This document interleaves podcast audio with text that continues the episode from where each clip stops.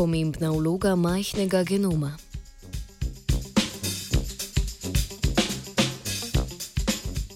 Koevolucija pomeni sočasno prilagajanje različnih vrst. O koevoluciji govorimo, ko evolucijska sprememba ene vrste povzroči spremembe druge vrste. V reviji Sel so objavili članek, v katerem znanstveniki in znanstvenice predstavijo pomen prisotnosti bakterije rodu Stamera za razgradnjo pektina pri hrošču vrste osatov čeladnik.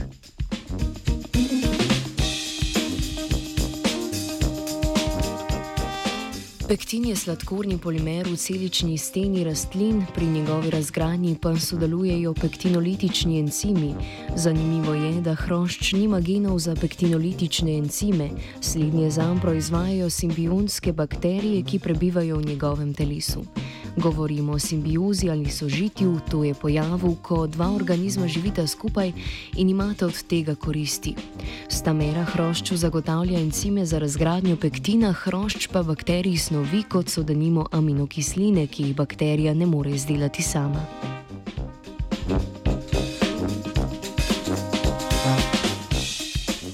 Osatov čeladnik je rastlinojeda vrsta hrošča, ki jo najdemo povsod po svetu, izvira pa z območja Eurazije. Da bi določili bakterije, ki skrbijo za razgradnjo pektina pri osatovem čeladniku, so raziskovalci analizirali bakterijske združbe v hroščevem telesu. Ugotovili so, da se pri vseh populacijah hroščev po svetu pojavlja samo bakterijski rod Stamera.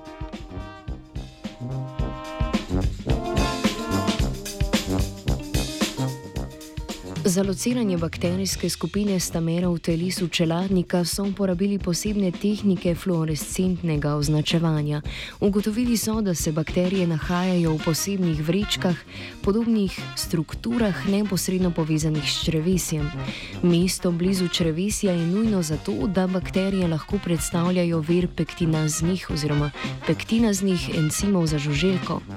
Pri samicah osatovega čeladnika se bakterije nahajajo v žleznih rezervoarjih, ki se odpirajo v spodnjo tretjino samičine vagine, kar je ključno za naslednji rod hroščev, saj se mikrobne združbe preko skupkov jajčec prenesejo neposredno na potomce.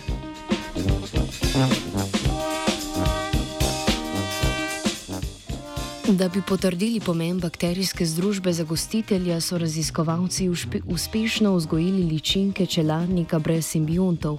Ti ličinke so imele manjšo verjetnost preživetja v primerjavi s tistimi, pri katerih so bili simbionti prisotni.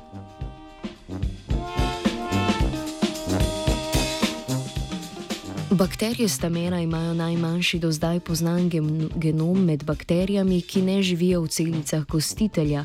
Majhen genom je posledica številnih izbrisov neesencialnih genov, tako je bakterija med drugim brez genov, potrebnih za krepsov cikl in gibanje bička, ter genov za biosintezo dolgoverižnih maščobnih kislin, fosfolipidov in purina.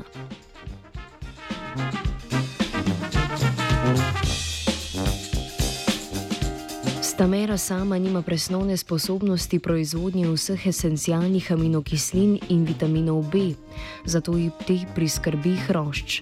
Je pa bakterija v povezavi s prehranjevalnim načinom svojega gostitelja tekom evolucije razširila nabor genov, ki so vključeni v regulacijo, proizvodnjo in izvoz dveh vrst pektinas. Na tak način je koevolucija dveh vrst povečala verjetnost preživetja pri obeh.